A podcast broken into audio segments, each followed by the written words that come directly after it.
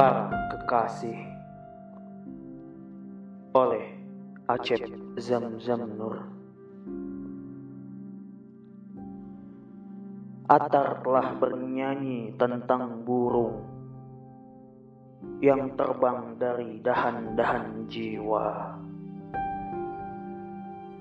Sanai telah menanam dan memetik mawar abadi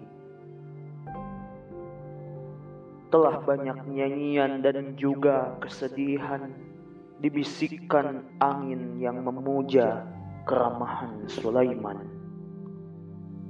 Batu-batu digosok para kekasih menjadi nilam sejati dan udara dipenuhi aroma hati yang terbakar. Begitu mendengar senandung Daud yang merdu, pohon-pohon terhenti dari kejatuhannya ke tanah, dan air mata langit mengkristal di udara. Jalaluddin telah mengundang matahari turun dari hatinya Rumput-rumput terkejut dari keterikatannya pada akar. Sedang jiwa bumi bergerak dalam tarian yang riang hingga batu-batu berterbangan bagaikan kapas.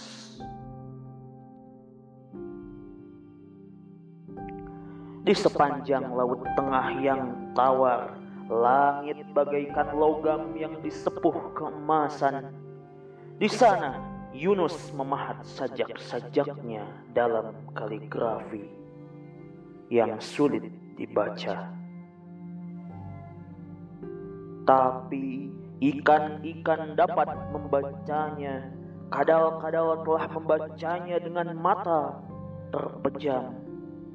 Karang-karang menyusut menjadi butiran pasir. Dan lautan membukakan lembaran-lembaran buku. Hafiz menyuling anggur dari kebun hatinya, lalu mengundang burung-burung untuk mabuk bersama. Jami bergoyang-goyang di antara dua cawan besar yang disajikan langit dan bumi pada kehidupan